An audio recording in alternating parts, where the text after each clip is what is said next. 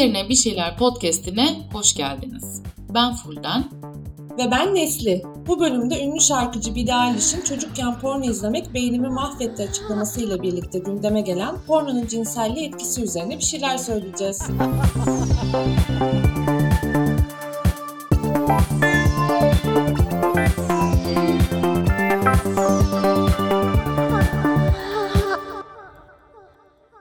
Ortaokulda ya da lisedeyken Billie Eilish çıksa aşırı eminim ki hastası olurdum. Odam posterleriyle dolu olabilirdi diyeceğim ama çok posterim o zamanlarda da yok. Neyse. Ee, ama çok beğeniyorum kendisini. Cool ve karanlık kız imajı bayağı etkileyici. Ee, ben de beğeniyorum kendisini. Türkiye'de Aleyna Tilki, küreselde Billie Eilish fan gördüğüm diyebilirim gururla. Hatta e, Billie Eilish'i yakıştıramıyorum kendime. Fazla cool biri benim için. E, bir de son işte bu, bu sene sarışın oldu. Uzun süre yeşil saçlarıyla tanımıştık onu. Ben yeşil saçlarına da bayılıyordum açıkçası. Ee, sanki lisedeyken Billie Eilish çıksaydı sen saçlarını yeşille boyatırdın gibi hissediyorum. 10 küsur yıllık tanışıklığımızdaki saç rengi skalan düşünüldüğünde. E, ben adımdan daha çok emin gibiyim buna. E, zaten bu aralar ben de e, sık sık Billie Eilish'i anıyordum saçlarımla ilişkisi üzerinden.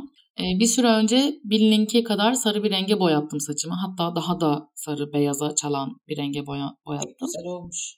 Çok teşekkür ederim ve hayatım boyunca hak ettiğimi düşündüğüm kraliçeliğe ulaşmıştım bu renkle. Ama üzülerek paylaşmak isterim ki ülkemizin içinden geçtiği bu zor zamanlarda TL'nin TL karşısında bile değer kaybetmesinden ötürü Maalesef sarı saçlarımdan vazgeçtiğimi tüm kamuoyuyla paylaşmak isterim.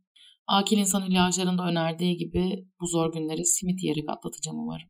Bazen acaba Levent Kırcaoya başarı ikilisi mi yapmaya çalışıyorsun bizi diye düşünmüyor değilim ha canım. Neden olmasın Nesicim? Biliyorsun niyetimiz kimseyi kırmak da değil. Şuradakini buraya koyduğumuzda çok açık bence. Ee, Billie Eilish'in pornonun zararlarına dair açıklamaları zaten kamuoyunda neredeyse olacak o kadar seviyesine tartışıldı çoğunlukla diyerekten artık konuya giriş yapalım. Ee, şöyle oldu, ee, kısaca bir olayı özetleyelim istersen. Ee, Billie Eilish katıldığı bir televizyon programında porno izlemeye 11 yaşında başladığını, e, yıllar boyu sıklıkla şiddet içeren pornolar izlediğini, hatta izlediği pornolarda şiddet dozunun da sürekli arttığını, bu yüzden de gerçek cinselliğin şiddet içermesi gerektiğini düşündüğünü ve ilk cinsellik deneyiminde şiddet içerdiğini söyledi. E, aslında istediğinin bu olmadığını fark ettiğini de ekledi açıklamasında. Birebir sözleri de şöyle hatta. ilk kez seks yaptığım zamanlarda istemediğim şeylere hayır diyemiyordum. Çünkü böyle şeyleri daha çekici bulmam gerektiğini düşünüyorum. Hatta şunu demiş kestirmeden, porno benim beynimi mahvetti. Evet aslında cinsellik algısının ve cinselliğe dair beklentisinin porno yüzünden çarpık bir şekilde oluştuğunu, geliştiğini söyledi. Ee, artık porno kesinlikle izlemeyeceğini söyledi ve şunları da ardından ekledi. Porno bu kadar sevildiği için kızıyorum. Bunun doğru olduğunu düşündüğüm için kendime de kızıyorum. Ee, ve bu açıklamaların ardından Billie Eilish'e destek olup onu cesaretinden ötürü kutlayanlar da oldu. Cinselliğe dair algısının bozulmasının faturasını pornoya çıkarmanın haksızlık olduğunu söyleyenler de. Özellikle porno oyuncusu ya da yapımcısı olan pek çok kişinin de açıklaması oldu bu süreçte. Her şeyden önce şunu söyleme ihtiyacı hissediyorum. Ee, Billie Eilish'in açıklamalarını ilk duyduğumda işte kendisini e, ilk cinselliğinde şiddet içermesi gerektiğini düşündüğünü ve buna razı olduğunu düşündüğünü falan duyduğumda içimden şunu dedim şekilde ah canım benim ya dedim ve çok üzüldüm böyle hissetmesine. Ee, şu an 19 yaşında değil mi Eilish? 18 Aralık doğumluymuş 20 olmuş. Ha, yay burcu yani o yeşil saçların nedeni ortaya çıkıyor. Sevgiler yay burçları. Ee, yani bu kadar genç bir kadının kendisini şu ya da bu şekilde sevişmesi gerektiğini hissetmesi çok korkunç bir şey. Aslında kendi kafasında e, bir cinsellik algısı oluşturmuş ve ona bir takım kodlar yüklemiş ve bunlar doğrultusunda e, şiddet içeren bir cinselliğe rızası olması gerektiğini hissetmiş ki bu cinselliğin içinde şiddet olduğu için değil, Billie Eilish bundan keyif almadığı için sorunlu bir şey. Pornodan edindiği toplumsal kodlar rıza inşası yapmış yani. Evet. evet ve kendi zevkini hiç dinlemeyen bir başkasının ki genellikle de bir erkeğin zevkine uygun davranması gerektiğini düşünen, e, orgazm olmaktan hani vazgeçiveren milyonlarca kadın varken aslında Billie Eilish'in böyle hissetmesi de hiç e, şey değil yani. Ne öyle nasıl olur böyle? Hiç şaşırtıcı değil aynen. Kelime şaşırtıcıydı. Hiç şaşırtıcı değil. Tam da buna orgazm uçurumu deniyor zaten. Erkekler orgazm olmaktan vazgeçmeye akıllarından bile geçirmezken kadınların nasıl algılandığını düşündüğü için isteklerini talep edememesi sebebiyle erkek partnerlerine oranla çok daha az orgazm olduklarını biliyoruz. Hazal Spy'nin sunduğu Mental Clitoris'in 6. bölümü Orgazm Uçurumu tam da bu konuyu ele alıyor. Bölüm şöyle bir istatistikle açılıyor. Partnerli cinsel birlikteliklerde tarafların orgazm olma sayıları arasında fark diyebiliriz orgazm uçurumu için. Şimdiye kadar yapılmış en kapsamlı araştırmaya göre partnerli sekste heteroseksüel erkeklerin %95'i, gaylerin %89'u, biseksüel erkeklerin %88'i, lezbiyenlerin %86'sı, biseksüel kadınların %66'sı, heteroseksüel kadınların ise %65'i orgazm oluyor. Gerçekten inanılmaz bir uçurum. Bir de bölüm Hazal'ın annesi ve kuzeniyle dinlemesi de inanılmaz tatlı bir bölüm. Hı hı, hı. Kesinlikle ve orgazm uçurumu dediğimiz şeyin ne kadar yaygın olduğunu ilk elden dinleyebileceğimiz de bir bölüm. Evet yani o bölümde dinlediğimiz hikayelerden çok aman aman farklı değil Bilal için söylediklerini. Ama yaşadıklarının e, pornonun doğrudan bir sonucu olduğunu söylemesi ve artık porno izlemeyeceğim bunun müsebbibi pornodur demesi çok eksik bir resim oluşturuyor diye düşünüyorum. Biraz şey gibi benzetme. İşte toplumda şiddetin artmasının sebebi şiddet içerikleri video oyunları demek gibi ya da Amerika'da oluyor ya böyle okullarda işte silahla tarıyorlar. Ne deniyor ona? Okul baskını. Baskın. Okul baskınları. Ya o baskınlar o baskınların sebebi çok e, işte Counter Strike'dır oyun bilgimin güncelliğine bakın. İşte silahlı oyunlarda demek gibi bir şey bu ilişkiyi kurmak ve bu ilişkiyi bundan ibaret görmek. Aynen. Porno üzerine bir şeyler söylemesi kolay bir alan değil. Ee, çok fazla varsayım ve genellemeyle tartışılıyor. Mesela porno dediğimiz şey yekpare de değil. Kocaman ama inanılmaz kocaman bir sektör. En büyük porno web sitesi Porno. Ee, bu sitenin sahibi olduğu bir sürü başka porno sitesi de var tekel gibi bir şey yani. İnternetteki porno trafiğinin ezici bir çoğunluğu bu şirkette. Ve Facebook'a, Google'a, Amazon'a, Apple'a falan açılan tekelleşme davaları bu şirketlere açılmıyor asla. Dolayısıyla bu düzen değişmiyor. Tabii porno hem çok ortada hem de neredeyse underground işleyen bir sektör sanki. Ve şöyle düşünün. Pornhub tek başına bir site ve Netflix, Twitter, Amazon hepsinin trafiğinin toplamından çok daha fazla trafiğe sahip. Pornhub'un tek başına ne kadar büyük bir ekonomi olduğunu da buradan hesaplayabilirsiniz. Bir yandan bu kadar büyük ama bir yandan da e, porno sektöründe çalışan seks işçileri çok fazla sorunla karşılaşıyor. Mesela Mastercard yasal olarak satış yapılan bir e, web sitesinde, yani İngilizce telaffuzunu okuyamayacağım şimdi, AVN Stars ismi ve burada yetişkinlere yönelik pornografik içerik satılıyor. Buraya Mastercard altyapısının ödeme yapmasını yasakladı. Yani Mastercard'ınız varsa e, gidip böyle bir siteden porno alamıyorsunuz. Ya da Instagram başta olmak üzere pek çok sosyal medya sitesi çıplaklık içeren e, içeriklere sitede izin vermiyor. Bu tip paylaşımlar yapan hesapları da kapatıyor hatta ve bu bu kriterin ne olduğu da çok belli değil. Çünkü işte e, basic bir sürü erkek e, yazın gittiği plajdan fotoğraf paylaşabilirken e, ve orada hani erkek meme ucunu görebiliyorken erkek olmayanların meme ucunu görmek işte bir hesabın kapanmasına dolayısıyla o kişinin kitlesini bulmasına e, engel oluşturmasına sebep olabiliyor. Bir de e, Pornhub'daki içeriklerin e, epey bir kısmı çalıntı ya da nasıl üretildiği bilinmiyor bu pornoların. Hatta geçtiğimiz sene kullanıcıların çektiği pornoların siteye yüklenmesi yasaklandı Pornhub tarafından. Çünkü o içeriklerde insan ticareti olup olmadığı bilinmiyordu.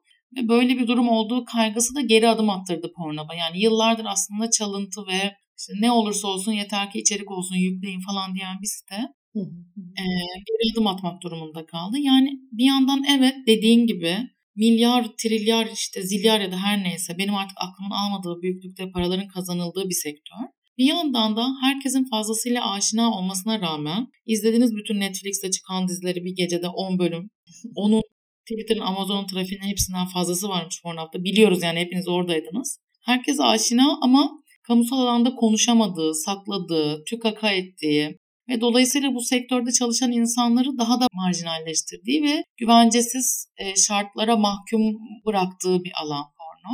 Ve Billie Eilish'in açıklamalarına gelen eleştirilerin önemli bir kısmı da zaten porno sektöründe çalışan seks işçilerindendi ve genel tonu da şuydu eleştirilerin. İşte okuduğum 3-4 yazıdan hatırımda kalanı şuydu.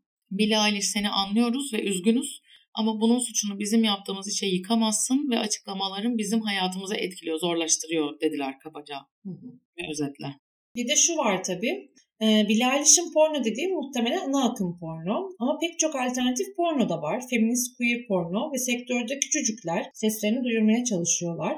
Bu tekerlerin arasında e, varlıklarını sürdürmeye çalışıyorlar ve izlediğimiz pornodaki cinselliğin estetiğini daha feminist bir yerden yeniden yorumluyorlar bu janralar. E, janra dememiz doğru değil mi bence? Doğrudur hocam. Yani doğru değil. Ne fark eder işte. Janra da geç. Ee, yani izlediğimiz şeylerde kadınların aşağılandığı ya da erkeğin cinselliğine hizmet ettiği bir anlatı oluyor ya genelde ana akımda. O anlatının insanlara zarar verebileceğini, kötü hissettirebileceğini, Eilish gibi genç kadınların kendilerine belli bir şekilde sevişmesi gerektiğine inandırabileceğinin farkında olarak alternatif bir şey izlememiz için üretiliyor bu pornolar. Hem de büyük bir çoğunluğu diyor ki bu izlediğiniz insanlara düzgün ödeme yapılıyor. Kimse zorla çalıştırılmıyor. Sağlık hakları korunuyor kondom kullanmamaya ya da kullanmaya oyuncuların e, kendisi karar veriyor ve daha etik bir üretim süreci izleniyor. E, bunun için de izleyicilerden ödeme talep ediliyor. Buna da etik porno deniliyor aslında ki sen bu konuyu çok daha etraflıca tartışmıştın Mental Kültürsün 19. bölümde Fırdancığım. Evet, e, ana akım alternatif ve etik porno başlıklı bölümde e, çok daha detaylı konuşabilmiştik Hazal'la bunu. Kendisini de ne çok andık ya bu bölümde. Zaten Türkiye'de yapılmış en özgün işlerden birine yaptığı için almamak da olmazdı. Aynen. Hem porno konuşulurken gerçekten e, Hazal'dan ve Mental Kültürs'ten bahsetmemiz gerekiyordu bence. Buradan kendisine teşekkürlerimizi iletelim. Sevgilerimizi iletelim. şey gibi oldu. O kadar çok anlattı ki Mental Kültürs'ü. Mental Kültürs evinin kapılarını pazar magazin için açtı. Oldu. ee, işte 19. bölümde çok ayrıntılı konuşuyoruz ana akım porno nedir, alternatif etik porno nedir diye. Çok da teferruatlı bir konu bu. Çünkü pornoya nasıl yaklaşılmalı 10 yıllardır cevabı aranan, süren bir tartışma. Bir kesim diyor ki porno yasaklanmalı. Çünkü e, zarar veriyor gençlere, çocuklara, bu arada tam bunu söylemişken eklemek isterim. Ee, çocukların izlediğini biliyoruz ama porno zaten e, yetişkinlere yönelik bir içerik. Yani yetişkinlerin e, porno ile ilişkisini konuşuyoruz burada. E, çocukken porno izlemekle ilgili konu çok daha kapsamlı ve uzmanların aslında konuşması gereken bir konu. O yüzden hani bu konu bu podcast'in konusu değil. Teşekkürler bu hatırlamaya geçtiğin için. Gerekli bir kamu spotuydu gerçekten. E, şunu diyordum, bir yandan pornonun zararlı olduğunu söyleyen, kadınlara yönelik şiddeti normalleştirdiği için yasaklanması gerektiğini düşünen bir kesim var.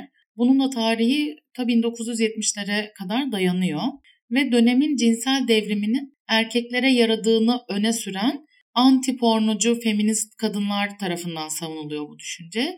Kendileri kendilerini anti pornocu olarak anıyorlar ya da bu böyle isimlendirildiklerinde sahiplenmişler bu ismi. Böyle bir etiketle anılıyorlar.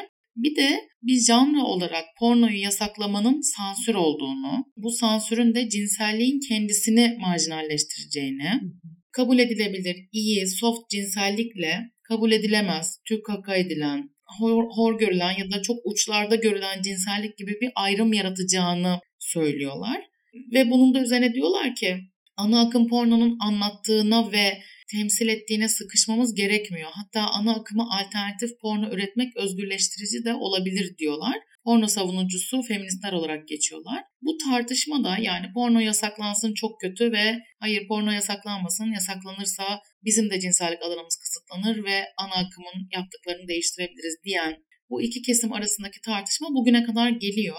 Türkiye'de çok yapılmış bir tartışma olmasa da o kadar uzun yıllardır kemikleşmiş bir e, diyalog ki bu e, porno olan bakışımızı da çok şekillendirmiş. Ben de porno dediğimizi şiddetle eşleştirip ondan ibaret sayıp toptan yok saymanın, sansürlemenin hiç anlamlı olduğunu düşünmüyorum. Ha tabii bu demek değildir ki sektör mis gibi çiçekler açıyor, hiç şiddet yok falan. E, bu arada sık sık şiddet diyoruz. Şunu da açığa kavuşturmak lazım. E, cinsellikte şiddet olabilir. Her şey olabilir. Eğer taraflar bundan hoşlanıyorsa ve rızaları varsa herkesin hazzı ve zevki biricik. Onu keşfedecek, pratik edecek özgürlük alanını kurmak ve korumak gerekiyor. Elbette şiddete zorlamak e, ya da e, cinsellikte şiddet olması için yavaştan ikna etmek, rıza inşası yapmak anlamına gelmiyordu bu diğer taraftan. Zaten bu ikisi birbirinin zıttı da değil. Seks pozitif olmak yani cinselliğin her türlüsünün özgürce yaşanmasını istemek, e, birilerinin belli bir biçimde seks zorlamamak demek ya da herkesin seksten zevk almasını da bir norm olarak kabul etmemek demek. Aynen zaten porno sektörüne ilişkin problemli şeyleri konuşmaya başladıkça hemen böyle yanlayan kesimler oluyor. Dur yolcu. Pornonun problematik yanlarından bahsederken onun yasaklanması gerektiğini söylemiyoruz. Ay, umarım atamı kırmadım porno konuşmasına dur yolcuyu alet ettiğim için. Bir şey olmaz. Ee, pornonun bu kadar tartışmalı olması da zaten sadece pornoyla alakalı da değil. Çünkü cinselliğin kendisi tabulaştırılıyor. Biz cinselliği konuşamıyoruz, yaşayamıyoruz kendimizi şu ya da bu şekilde hissetmek zorunda bırakıyoruz. Ayıplanıyoruz ya da kutsanıyoruz deneyimlerimizden ötürü. Hal böyleyken e, cinselliğin temsilini yani pornoyu da hiç sağlıklı bir zeminde tartışamamış oluyoruz. Zaten hangi birimizin doğru düzgün bir cinsellik eğitimi aldığını söyleyebiliriz ki bizim mesela ortaokulda cinsellik eğitimi vardı sözde. Ee, sadece bir kere bir konferans odasına toplandık ve pet takmayı öğrendik. Gerisini ben kendi emeklerimle itiraf.com'dan ekşi sözlükten falan edindim o yaşta. Yani kılavuzun bunlar olunca burnum uzun süre kurtulmadı tabii boktan. Cinsellik eğitimi de, demişken Türkiye'de hiçbirimiz ne yazık ki farklı bir noktada değiliz. Neyse. E, pornoya dair sağlıklı bir tartışma zemini oluşturmaya çalışanlardan biri de bu işin özneleri. Seks işçileri, porno oyuncuları, yapımcıları, yönetmenleri. Onların fikri ve zikri yeterince kabul görmüyor. Bilal Eilish'in açıklamaları sonrasında pek çok seks işçisi konuştu. Ve açıklamalarında işte Bilal Eilish'i anladıklarını ama kendilerinin deneyimlerine de kulak verilmesini söyleyenler oldu. Mesela bir tane Make Love Not Porn diye bir alternatif bir porno yönetmeni yapımcısı var. O bir açıklama yaptı. Biz senin ana akımdan çektiğine alternatif oluşturmaya çalışıyoruz diye. Bir başka ana akımda çalışan bir porno oyuncusu konusu yani sen izlediğim kadınlar gerçek değil diyorsun. Hayır gerçeğim o bendim. Ben yaşıyorum bunu her gün. Ve senin açıklamalarında sanki ben hiç yokmuşum gibi görünüyor. Hı. Ve yaptığım işi yapmam daha da zorlaşıyor falan gibi e, farklı farklı yani porno sektörünün de farklı noktalarından seks işçileri konuştu. Ki zaten bu tartışmayı seks işçileri olmadan yapmak, bu işin özneleri olmadan yapmak da çok anlamlı bir şey değil.